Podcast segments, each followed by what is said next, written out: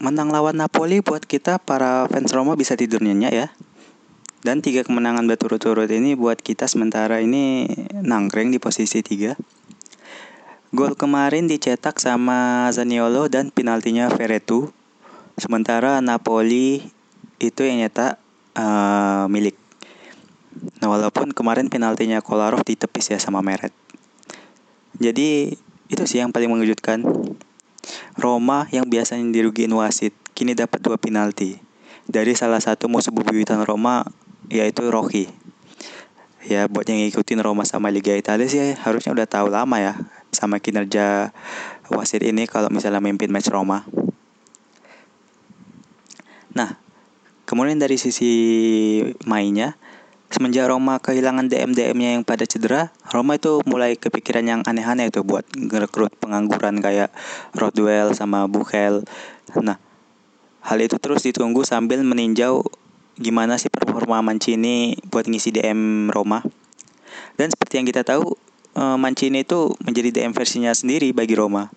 Dan dan performanya itu cukup mengejutkan dia yang buat formasi Roma ketika lagi main itu lebih bervariasi, bisa berubah menjadi back tengah di antara dua center back ketika menyerang dan bantu buat build up serangan, tetapi juga bisa menjadi jangkar dan berubah menjadi 4-1-4-1 pada saat diserang dan bisa lebih dinamis buat mark zone dan intercept bola lawan. Jadi kadang dia suka bergeraknya lebih dinamis sehingga tiba-tiba udah ada di depan aja gitu buat pressing. Nah untuk gol pertama itu Roma kemarin ngelakuin sekitar 20 umpan sebelum akhirnya Mancini e, ngelepasin umpan terobosan ke Spinazzola, terus Spinazzola umpan ke Zaniolo dan e, gol. Jadi bisa dibilang kalau Mancini ini untuk seorang back memiliki umpan akurasi umpan yang cukup bagus di antara uh, back-back Roma yang lain. Nah, Roma memang di bawah Fonseca mainnya high pressing ya. Jadi dari blok depan itu udah megang eh, masing-masing satu pemain lawan. Yang paling diberi kredit sih si Pastore ini ya. Dia memang menggantikan posisi Pellegrini di belakang striker, tapi peran yang dimainkannya itu agak berbeda dia berperan membuat peluang dengan memanfaatkan kesalahan hasil dari pressing. Berbeda dengan Pellegrini yang memang membuat serangan tuh uh, dari tengah ya. Jadi pressing gila-gilaan yang dilakuin uh, berhasil buat tim lain tuh uh, kadang buat error. Jadi bisa dimanfaatkan kesalahannya oleh Pastore ini untuk membuat peluang. Sekaligus dia uh, memanfaatkan potensi dribblenya memang udah bagus dari awal dan umpan terobosannya yang membuat dia menjadi Pastore yang kafah. Harusnya sih Pastore yang kita harapkan itu bisa lebih dari ini ya. Tapi sekarang juga udah lumayan bagus mengingat adaptasi yang kurang baik dari musim kemarin karena kebanyakan cedera juga. Nah, ini yang ditakutin karena uh, dia itu sekarang main udah cukup hmm, sering, udah cukup intens dan cara bermainnya juga lebih dinamis pergerakannya sehingga takutnya bisa menimbulkan kelelahan otot lah atau apalah yang membuat dia uh, kambuhan cederanya gitu. Itu salah satu yang dikhawatirkan tapi moga-mogahan tidak ya, tidak terjadi.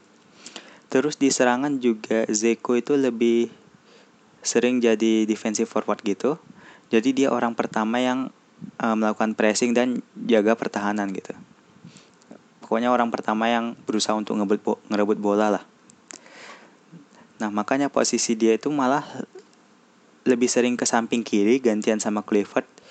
Uh, sehingga kalau misalnya dia kalau misalnya Clifford di, Clifford di tengah atau misalnya Zaniolo nyisir ke kanan lapangan dia yang menjadi supply bola uh, dan langsung mengirim umpan terobosan ke kedua pemuda ini jadi intinya sih Zeko suka buka ruang buat duo sayap Roma ini oh ya yang harusnya jadi fokus Roma musim ini tuh di pertahanannya.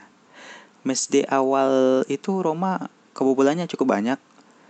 Nah semenjak Europa League match day pertama itu Roma kalau nyerang di belakang nyisain tiga orang karena uh, match-match sebelumnya itu cuma nyisai dua orang gitu. Mungkin Fonseca ini baru nyadar kali ya kalau misalnya kalau memang defense Roma itu katrok-katrok. Jadi mm, ditam uh, ditambal sama tambahan orang lagi.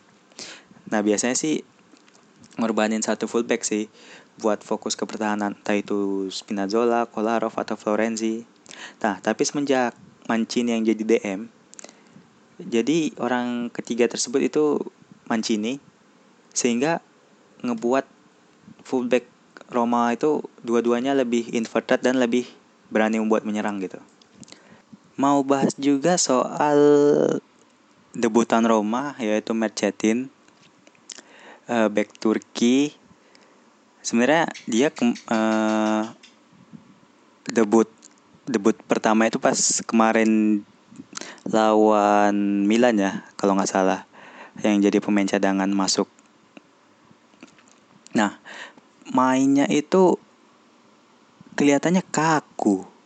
Karena saat dia megang bola itu dia masih agak takut-takut gitu ke, ngumpan ke depan atau back pass. Jadi kelihatannya ragu-ragu dan beberapa kali uh, back passnya itu hampir buat deg-degan gitu ya. Karena ya itu sih masih belum ngerasain atmosfer yang terlalu tinggi. Nggak seperti kayak di Liga Turki di klub sebelumnya ya.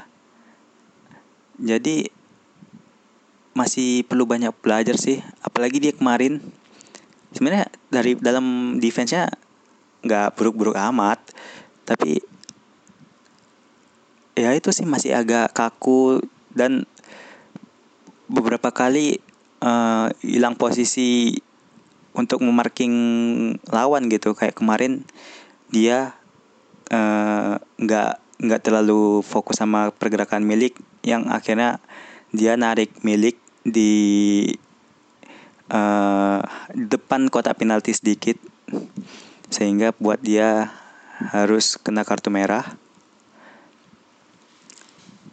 Tapi ya kalau nggak dia kalau kalau nggak ditarik dia mungkin itu gawang Roma udah kebobolan dan skornya jadi dua sama ya. Ya mungkin kontribusi terbaiknya itu sih karena kartu merah itu. Dia di sini karena gantiin Fazio yang juga kemarin kartu merah. Di Roma itu uh, udah berapa kali kena kartu merah ya. dan se kayak sebelumnya itu pas lawan Bologna Mancini juga kartu merah. Kluivert juga kartu, kena kartu pernah kena kartu merah. Jadi banyak sih pemain Roma kena kartu merah. Itu mungkin akan jadi apa ya? evaluasi lah buat tim apa yang terjadi kalau uh, apa yang sebenarnya terjadi kenapa para pemain ini sering dapat apa melakukan pelanggaran-pelanggaran yang bisa berbahaya dan dikejar kartu merah gitu.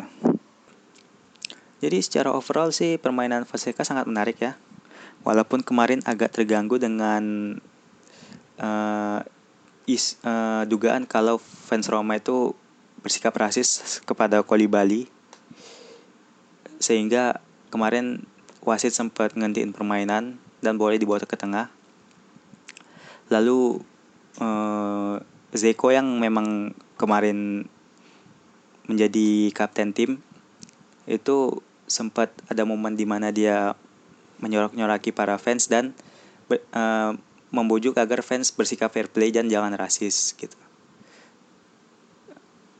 Itu fans-fans Roma ini sebenarnya seluruh fans Itali, seluruh fans Italia itu memang uh, budaya rasisnya itu sangat tinggi ya.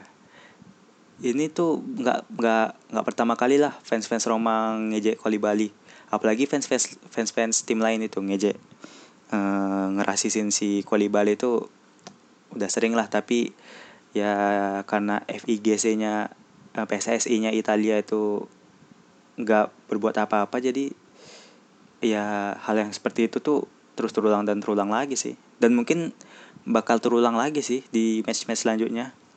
Kalau FIGC itu cuman diem aja. Ya agak sayang sih sebenarnya. Permain uh, Roma menang permainannya cukup bagus tapi dinodai sama orang-orang rasis ini. Dan ada bagusnya juga memang uh, Roma nggak saklek milih pelatih dari Italia karena memang kualitas strategi permainan dari pelatih non Italia itu juga lumayan lumayan ya apalagi uh, pelatih-pelatih Eropa kayak Portugal Spanyol itu mereka punya prinsip dengan sepak bola menyerang ya. Jadi sekali uh, bisa membuat sepak bola yang dipertontonkan itu bisa menjadi terhib apa menghibur lah gitu. Dan ingat skuad ini tuh tanpa Pellegrini, Cristante, Diawara, Zappacosta, Telek Zappacosta baru dimain sekali absennya berbulan-bulan. Nah dan masih banyak lagi lah yang belum sembuh dari cedera. Dan kayak Under kemarin baru dimainin karena memang baru sembuh dari cedera. Jadi mungkin kalau misalnya semua pemain fit kedalaman skuad Roma itu bakal gila-gilaan gitu ya. Jadi ya mungkin itu aja buat episode kali ini. Adio